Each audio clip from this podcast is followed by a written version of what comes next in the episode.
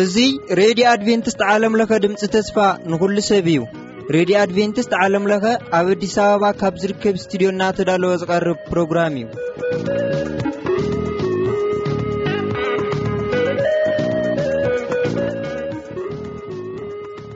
እዚ ትከታተሉ ዘለኹም ረድዮኹም ረድዮ ኣድቨንቲስት ዓለም ለኸ ድምጺ ተስፋ ንኹሉ ሰብ እዩ። ሕዚ እቲ ናይ ህይወትና ቀንዲ ቁልፊ ዝኾነ ናይ ቃል እግዚኣብሔር ምዃኑ ኩላትኩም ኣይትዘንግዕወን። እስቲ ብሓባር እነዳምጽ።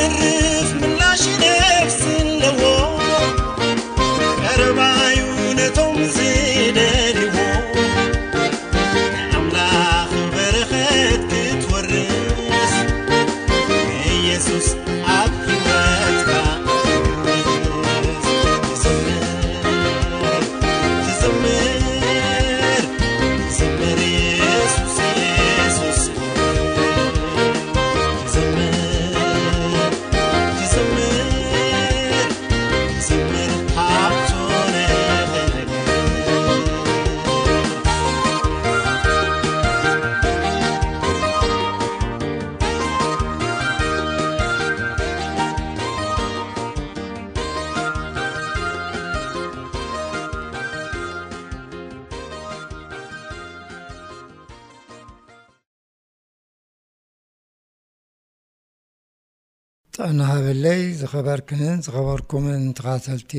እዚ መደብ ሎም መዓልቲ ኣሕፅር ኣቢልና ብዛዕባ እቲ ኣብ ትግራይ ከም ሃገር እንሪኦ ልምድን ባህልን ምስ ዘመን ኣቆፃፅራ ኣተሓሒዝና ክንዛረብ ኢና። እዚ ዝሓለፈ ቅንያት ኣብ ትግራይ ፍልይ ዝበለ ቅንያት እዩ። በዓል ኣሸንዳ ምስዚ ተተሓሒዙ ብተለቪዥን ይኹን ብሬድዮ ይኹን ክጋዋሕ እንሰምዖን እንሪኦን ዝነበርና ሓደ ደርፊ ነይሩ እዩ ብፍላይ ሎሚ ምስዚ ናይ በዓል ኣሸንዳ ኣትሒዘ ምስ ባህሊ ክዛረበላ ዝደሊ ሓንቲ ደርፊ ኣዋልደየ ሎሚ ዕበዳ ላዕላይ ሰማይዶ ኣለዎ ሜዳ እትብል ደርፊ እያ እዛ ደርፊ እዚኣ በቶም ጋዜጠኛታት ናይ ሬድዮ ይኹን ናይ ቴሌቭዥን ከም ናይ ኣሸንዳ ደርፊ ገይሮም ክቕርብዋ ይስማዕ። እዚ ግን ቁሩብ ኣነ ክሪኦ ከለኹ ታሪኽ ካብ ዘይምፍላጥ ዝተበገሰ ነገር እዩ። እዚ ኣዋልደየ ሎሚ ዕበዳ ላዕላይ ሰማይዶ ኣለዎ ሜዳ ዝብል ደርፊ ብሓቂ ናይ ኣሸንዳ ድዩ? ንባህሊ ልምድን ህዝቢ ትግራይ ዝገልፅ ደርፊ ድዩ? ናይ ኣሸንዳ ደርፊ ድዩ? ኢልና ክንሪኦ እውን ፅቡቕ ይመስለኒ። ህዝቢ ትግራይ ከም ህዝቢ ናይ ዕብዳን ታሪኽ የብሉን እቲ ይሕመቅ ይጸብቅ ግን ንእምነት ንሃይማኖት ዝሕሉን ዝኽብርን ህዝቢ እዩ ከም ህዝቢ ክንሪኦ ከለና ስለዚ ኣይኮነን ህዝቢ ትግራይ ዝኾነ ካልእ ህዝቢ እውን ኮነ ኢሉ ዕብዳን ዘምህር ዕበዳ ዝብል ልምድን ባህልን ዘለዎ ህዝቢ የለን ኣሸንዳ ክንሪኦ ከለና ከም በዓል ኣብቲ ናይቲ ባህሊ ናይቲ ህዝቢ ክንሪኦ ከለና ሃይማኖታዊ በዓል እዩ ምስ ናይ ማርያም ታሪክ ዝተሓሓዝ ሃይማኖታዊ በዓል እዩ ናይ ዝርጋን ናይ ዕብዳን ደርፊ ኣይኮነን ኣይኮነን ቀደምሲ ሎምውን ክንሪኦ ከለና እቲ ገጠራት ትግራይ በከዳድና ይኹን ብኹሉ መገዲ ይኹን ናይ ዕብዳን ናይ ዝርጋን ኣከዳድና የብሉን ዝኾነ ይኹን ሞራሉን ክብሩን ሓልዩ ዝኸይድ ከም ህዝቢ እዩ ደቂ ተባዕት ይኹን ደቂ ንስተ ክሪኦ ከለና እዚ ኣዋልደ የሎም ዕበዳ ዝብል ኣበይ መዓዝ እንተዘርፈ ደርፊ እዩ ኢልና ክንሪኦ ከለና ኣነ በዛ ዕድመይ ከም ዝበፃሕክዎ ኣብ ስሳታት ዓመተ ምህረት እዚ ያታዊ ብሓፈሻ ናይ ትግራይ ይኹን ናይ ኢትዮጵያ ኤርትራውን ሓዊስካ እቲ ብሄረ ትግራይ ነቲ ዝፀንሐ ናይቲ ህዝቢ ባህሊ ብምዕራባዊ ባህሊ ክብረዝ ምስ ጀመረ ከተማታት ክስፋሕፋሕ ንዐብዳን ዘዐድም ቦታታት ቡና ቤታት ክስፍሕፋሕ ምስ ጀመረ ኣብ ሱሳታት እተደርፈ ደርፊ እዩ። ምስ ከተማታት እተተሓሓዘ ደርፊ እዩ። ሐዚ እቶም ከየንቲ ይኹኑ እቶም ዘጋውሑ ጋዜጠኛታት ነዛ ደርፊ ፍርቃ እዮም መቒሎም ዝደርፍዋ። እታ ኣሸንዳ ከም ዝፍለጥ ናይ ደቂ ኣንስትዮ በዓል እዩ። እታ ደርፊ ግን ፍርቂ ኣዮም ዘእትውዋ ምክንያቱ ከም ናይ ኣሸንዳ ባህሊ ከም ናይ ደቂ ኣንስትዮ በዓል ከቕርብዋ ኢሎም እዚ ደርፊ እዚ ኣብ ስሳታት በዓል ፀሃይቱ በራኺ ኣብ ኣስመራ ዝደረፍኦ ምስቲ ምብዛሕ ኣብያተ መስተን ምስቲ ናይ ደቂ ኣንስትዮ ኣብ ኣብያተ መስተ ምስራሕን ምንባርን ዝተተሓሓዘ ናይ ዕብዳን ሽዑ ተደርፈ ደርፊ እዩ ሕዚ እዛ ደርፊ እዚኣ ፍርቂ እያ ክብለኩም ከለኹ እታ ቀዳመይቲ እንታይ ትብል ኣዋልደየ ሎሚ ዕበዳ ላዕላይ ሰማይ ዶ ኣለዉ ሜዳ እታ ፍርቃ ከኣ ኣወዳተየ ሎሚ ዕበዱ ላዕላይ ሰማይ ዶ ኣለዎ ቦዱ ትብል እያ ሕዚ ግን ነታ ደርፊ ቁንፅል ኣቢሎም ምስ ኣሸንዳ ንምትሓሓዝ እታ ናይ ተባዕትዮ ገዲፎም ነታ ናይ ደቂ ኣንስትዮ ጥራይ እናገበሩ ብዙሕ ይደርፍዋ ትተባባዕ ክንሰምዖ ከም ዝቐነና ሐዚ ብብዝሒ ትደጋገም ዝነበረት ደርፊ እዚኣ እያ። ደርፍታት ትግርኛ ኣብ ካልእ ኣጋጣሚ ብዝርዝር ክንሪኦ ንኽእል ኢና። ታሪኻዊ መበገሲ ዘለዎ፣ ታሪኻዊ ድሕረ ባይታ ዘለዎ፣ መምሃሪ፣ መለበሚ ዝኾነ ደርፍታት እዩ ከም ደርፊ ንሪኦ ከለና። ሐዚ ግን እንታይ እዩ ዝኸውን ዘሎ ነቲ ዘበን ዘምጽኦ ምስ ናይ ምዕራባውያን ምስ ምዕባድ ምስ እንዳ መስተ ተታሒዙ ዝመጸ ደርፍታት ምስቲ ያታዊ ናይ ቀደም ባህላዊ ደርፍታት ሓዋዊስካ ህዝቢ ይደናገር ኣሎ ከምኡ ይኮነን ብሓፂሩ እዛ ኣዋልደ ሎምዖዳ ትብል ብመሰረቱ ናይ ኣሸንዳ ባህላዊ ናይ ህዝቢ ትግራይ ደርፊ ኣይኮነትን ደሓር ዝተበለት ኣብ ሳታት ዘበለት ኣብ ከተማታት እትድረፍ ዝነበረት ደርፊ እያ ምናልባት ምሳኣ ትኸይድ ኣይቆልዓን ድየ ክፃወት እየ ዝብል ከም ናይ ቆልዑ በዓል እዩ ናይ ንኣሽቱ ኣዋልድ በዓል ስለ ዝኾነ እዩ ዝድረፍ ነይሩ ስለዚ ኣሸንዳ ብመሰረቱ ናይ ዕብዳን በዓል ኣይኮነን ስለዚ ነዚ ደርፊ ምስ ምሕዋስ እውን በቓል ኣይኮነን። ብዝኾነ ብሓፈሻ ክንሪኦ ከለና ሕዚ ኣብ ናይ ዘበን ዝልወጠሉ ግዜ ኢና በፅሕና ዘለና ናይ ምልዋጥ ዘበን ኣብ ዓለምና እተፈላለየ ናይ ዘበን ኣቆጻጽራ ባህሊ ወይ ልምዲ ኣሎ ብሓፈሻ ክንሪኦ ከለና እዚ ዳርጋ ሕጂ ሙሉእ ዓለም ዝጥቀመሉ ዘሎ ናይ ምዕራባውያን ናይ ዘበን ኣቆጻጽራ እቲ ግሪጎርያን ካሌንደር ወይ ብጳጳስ ግሪጎርዮስ እተቐመረ ናይ ዘበን ኣቆጻጽራ እዩ። እዚ ሕዚ ኣብ ዳርጋ ምሉእ ዓለም ቅቡል ኮይኑ ኣብ ኩሉ ናይ ዘመን ኣቆጻጽራ ክዝውተር ንርእዮ ኣለና። ብሓፈሻ ኣቆጻጽራ ዘበን ክንርእዮ ከለና ኣብ ዓለምና ሰለስተ ዓይነት ክንብሎ እንኽእል ብመሰረቱ ግን ኣብ ክልተ ዓይነት ዝተደርኸ እዩ። እዚ ናይ ግሪጎርያን ኣቆጻጽራ ይኹን እዚ ኣብ ኢትዮጵያ እውን እንኽተሎ ናይ ባሲልዮስ ናይ ኣቡነ ባሲልዮስ ኣቀማምራ ወይ ናይ ኢትዮጵያ ዓውደ ኣዋርሕ እውን እንተኾነ ኣብ ፀሓያዊ ኣቆጻጽራ ኣብቲ ሶላር ሲስተም ዝብልዎ ኣብኡ ተደርኸ እዩ። ኣብ ዓመት በዚ ኣቆጻጽራ ክንርኢ ከለና ሰለስተ ሚእትን ሱሳን ሓሙሽተን መዓልታት ኣሎ። እዚ ሰለስተ ሚእትን ሱሳን ሓሙሽተን መዓልታት ማለት መሬት ኣብ ዙርያ ፀሓይ ሓደ ሙሉእ ዑደት ንምፍፃም ዝወስደላ ግዜ እዩ። ስለዚ ሕጂ እቲ ቅቡል እቲ ሶላር ካለንደር ዝበሃል ምስ ፀሓያዊ ምንቅስቃስ ዝተተሓዘ ኣቆፃፅራ ማለት እዩ። ስለዚ መሬት ን ኣብ ዙርያ ጸሓይ ሓደ ምሉእ ዑደት ንኽትፍጽም ሰለስተ ሚእትን ስሳን ሓሙሽተን መዓልቲ ይወስደላ።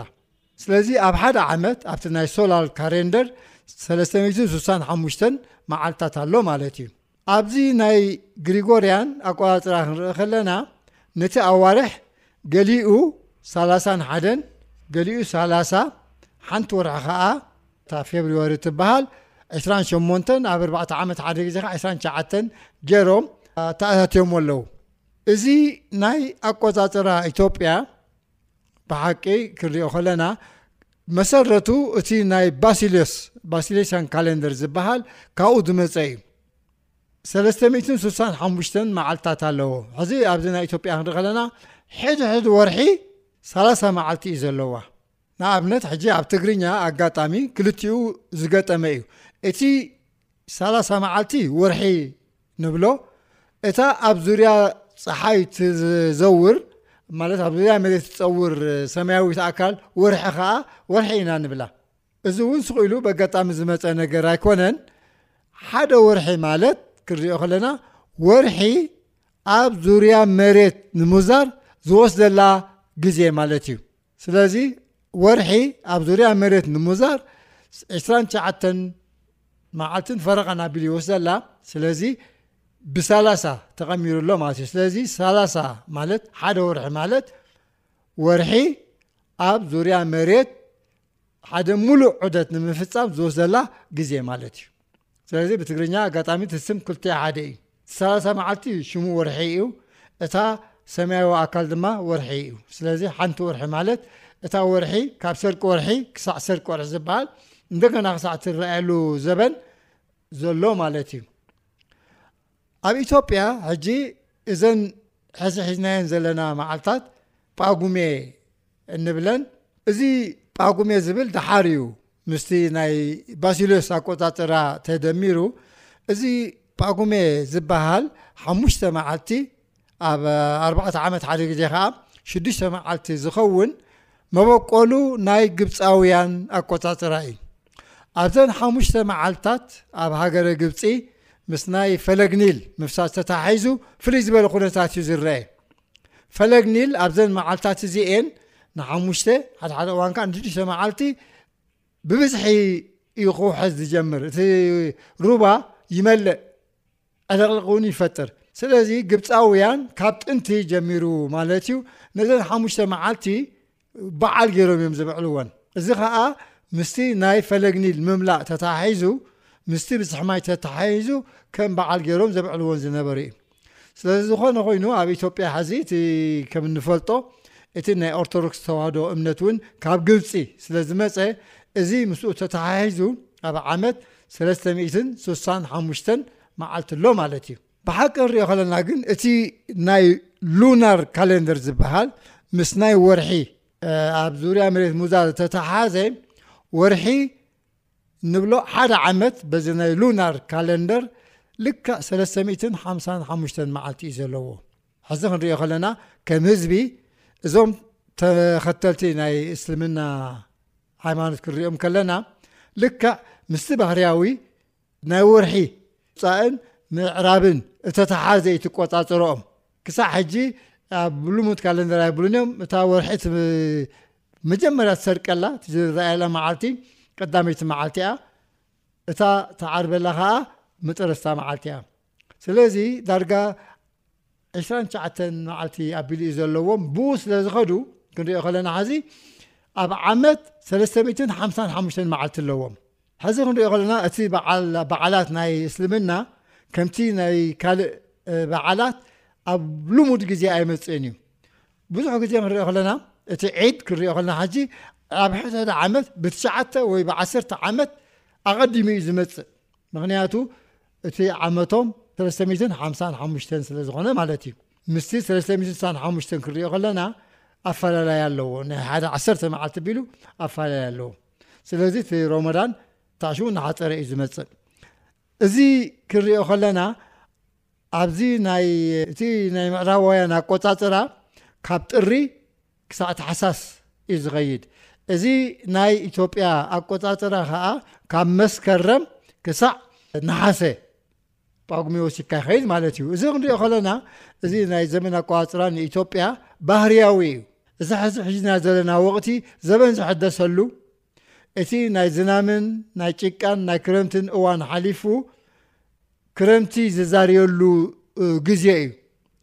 ስለዚ ክንሪኦ ከለና ካብቲ ካልእ መዓልትታት እዘን መዓልትታት እዚኣተን ካብ መወዳእታ ካብ ጳጉሜ ጀሚርካ ክሳዕ መስከረም ዘሎ ፍልይ ዝበለ መዓልትታት እዩ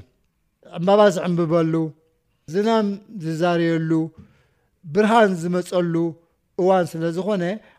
ሓድሽ ዓመት ክኸውን ባህርያዊ እዩ ስለዚ እዚ ኣቆጻጽራ እዚ በዚ ቆጻጽራ እዚ ሓድሽ ዓመት ክንብል ከለና መስከረም ሓደ ብሓቂ ሓድሽ ግዜ እዩ ምስ ዝሓለፈ ናይ ክረምቲ ናይ ጭቃ ናይ ሽግር ናይ ፀገም እዋን ኣብቂዑ ራህዋ ክረአ ዝጅምረሉ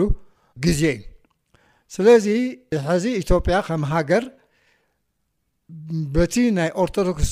ናይ ትምህርቲ ሃይማኖት መሰረት ገይሩ ነዚ ናይ ዘመን ኣቆፃፅራ እያ ትጥቀም ኣብዚ ዘበና እዚ ዘመን እዚ ከምቲ ቅድም ዝበልክዎ ኣብ ኢትዮጵያ እተቐመረ ዘመን ኣይኮነን ኣብ ኤውሮጳ ኣቡነ ባስሌስ ዝበሃሉ ዝቐመርዎ ዘበን እዩ ሕዚ ሓደ ሓደ ሰባት ካብቲ ተኣሽሙ ንምርሓቕ ከም ኣቆፃፅራ ግእዝ ይብሉ። ግእዝ ቋንቋ እዩ። ግእዝ ኣቆፃፅራ የብሉን። ከምዚ ዝበልኩኹም ኣብ ወርሒ፣ ኣብ ፀሓይ፣ ኣብ ካልእ ንጥፈታት እንተደረኸ እቲ ዘመን ኣቆፃፅራ ስለዚ እዚ ኢትዮጵያ ትኽተሎ ዘላ ናይ ኣቆፃፅራ ዘበን ብኣቡነ ባሲልዮስ እተቐመረ ሶላር ካለንደር ኣብ ናይ ፀሓይ ዑደት በለ እዩ እቲ መሰረቱ ክንሪኦ ከለና ግን ቅድም ኢሉ እውን ናይ ኣይሁድ እምነት ፅልዋ ኣብዚ ዓዲ ስለ ዝነበረ መፅሓፍ ቅዱስ ንዛበን ኣቆፃፅራ ንኣይሁድ ክህቦም ከሎ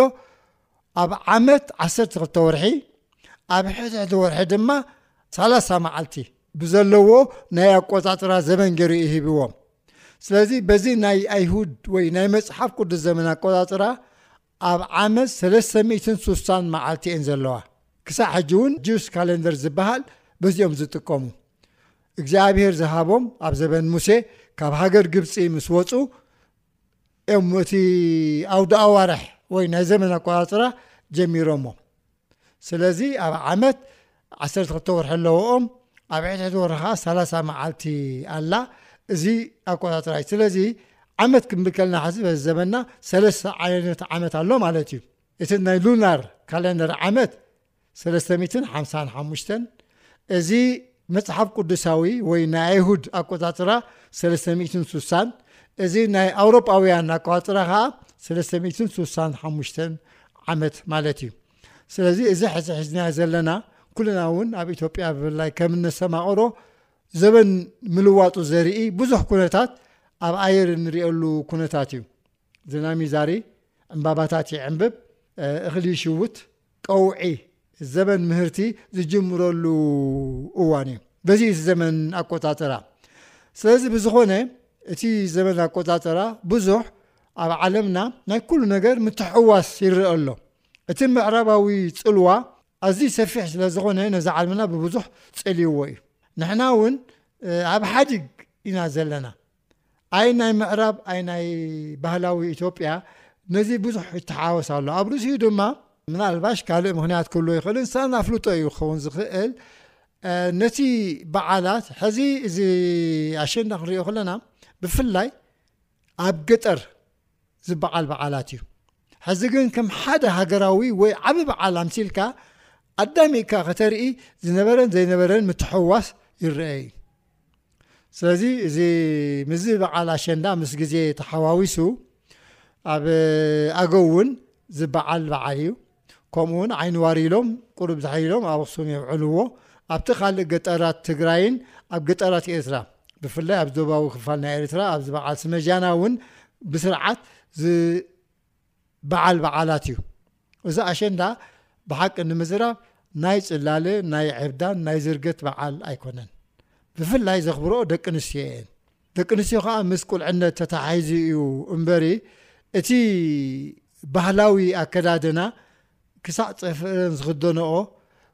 ሰውነተን ቅርጺ ሰውነተን ዘየርኢ ባህሊ እየን ክዳን እየን ዝኽደና ነይረን። ሎሚ ግን ዝኸውን ደይከውን ሓዋዊስካ ምርኣዩ እቡ ኣይኮነን። እዚ ወለዶ ናይ ዓርሱ ባህሊ ከጥሪ ኣዳቒሉ ሓድሽ ቅቡል ባህሊ ክገብር ቅቡል እዩ ንባህሊ ሓዋዊስካ ምግባር ግን ብዙሕ ካብ ጥቕሙ ጉዳት እዩ ዝበፅሕ ንፍሽፍሽ እዩ ዝበፅሕ ስለዚ ብዝኾነ ሓንቲ እዚኣ ከነተኩረላ ዝግብኣና ህዝቢ ትግራይ ከም ህዝቢ ናይ ዕብዳን ባህሊ የብሉን። እዱብ እዩ። ኣብ ትግራይ ዕቡዳት ሰባት እኳ የለውን እንተዘይተባህለ ከም ባህሊ ግን ህዝቢ ትግራይ ዕቡድ ህዝቢ ኣይኮነን። ኣሸንዳ ከም በዓል ሕዚ ማርያ እውን ይበሃል እዩ ኣብ በዓል ኤርትራ ሃይማኖታዊ በዓል እዩ ናይ ዕብዳን ናይ ዝርጋን በዓል ኣይኮነን ደቂ ኣንስትዮ ኣብ ዓመት ሓደ ግዜ በቲ ሽዑ ዝነበረ ንኣደባባይ ዝወፃሉ ዝደርፋሉ እዩ እምበር ናብ ካልእ ዕብዳን ዝኸዳሉን ናብ ካልእ ዕብዳን ዘምርሕ በዓል ኣይኮነን ስለዚ እዚ ሕጂ ዘሎ ወለዶ ምዕባል ዝደሊ ተኾይኑ ብናቱ ባህሊ ብናቱ ተበግሶ ምስቲ ዘሎ ካብ ምዕራብ ዝወረሶ ባህሊ ተወሲኹ ክገብር ይኽእል እዩ ግን ህዝቢ ትግራይ ናይ ዕብዳን ባህሊ ከም ዘለዎ ኣምሲልካ ብተለቪዥን ይኹን ብረድዮ ምግዋሕ ግን ጥቕሚ የብሉን ስለዚ ዘበን ክልወጥ ከሎ እቲ ናይ ሽግር ግዜ ብዙሕ ግዜ ምስ ግዚኡ እንተሓዋዊሱ ኣብ ግዜ ሓምለ ክሳዕ ዳርጋ ነሓሰ ሓምሊ እዩ ዝብላዕ ኣብቲ ግዜ እቲ ከምዚ ሎሚ ከካብ ከባብታት ዝመጽእ ከምድላይካ ትሽምቶን ትረኽቡን እኽሊ ስለ ዘይነበረ እቲ ዝበቁል ኣብ ከባቢ ዝበቁል ሓምሊ እዩ ህዝቢ ዝምገብ ነይሩ ኣብቲ መስቀል ብራቕ ጀሚሩ ግን ንኣብነት ኣብቲ ሆየ ሆየ ዝብል ነገር ክንርኢ ከለና ቁራዕ ሓምሊ ውፃእ ቁራዕ ጥጥቆ ወይ ቁራዕ ገዓት እቶ ይበሃል ስለዚ እዚ ቀውዒ ግዜ ዝልወጠሉ፣ ናይ ጥሜት ናይ ሽግር ግዜ ዝሓልፈሉ፣ እኽሊ ዝፈርየሉ፣ ምህርቲ ዝእከበሉ እዋን እዩ። ስለዚ ከም ሓድሽ ዓመት ክንብሎ ከለና እዚ ሓድሽ ዓመት እዚ ብፍላይ ኣብ ኢትዮጵያ ትርጉም ዘለዎ ናይ ብሓቂ ሓድሽ ወቕቲ እዩ። ቀውዒ ዝጅምረሉ፣ ምህርቲ ዝጅምረሉ፣ ጽጋብ ዝጅመረሉ፣ ሓረስታይ ሸዊት ይኹን ካሊእ ይኹን ክምገብ ዝጅምረሉ ካብቲ ናይ ክረምቲ ጭቃን ሓምልን ወጺኡ ኣብ ምህርቲ ዝበጽሐሉ ግዜ ስለ ዝኾነ እዚ ሓድሽ ዓመት እዩ። ስለዚ ሎሚ ምናልባሽ እዚ ኣብ ሳልሲ ክጋዋሕ ይኽእል ይኸውን እንተኾይኑ እውን ኣብ በዓል መስከረም ስለዚ ንኹልና እዚ ብፍላይ ኣብ ትግራይ ምስቲ ዕፅዋን ክባን ተተሓሒዙ ሕጂ እውን ሙሉእ ብሙሉእ ኣይተኸፍተን ኣብ ምኽፋት ገፁ ይርከብ ኣሎ ስለዚ ሙሉእ ምኽፋት ክገብረልና እግዚኣብሄር ብእምነትን ብሃይማኖትን እንመላለሰሉ ፅቡቕ ዘመን ከምፅኣልና ንኹልና ሓድሽ ዘመን ይግበረልና ብዝኾነ ይኹን ምስዚ ክልዕሎ ዝጸናሕኩ ቁም ነገራት ሕቶ ወይ ርእቶ እንተለኩም በቲ ልሙድ ናይዚ ጣብያ ኣድራሻ ክትሓቱና ትኽእሉ ኣብ ካልእ ኣጋጣሚ ብተመሳሳሊ ትሕዝቶ ክሳዕ ንራኸብ ደሓን ቀንዩ የቐንየለይ ሰላም።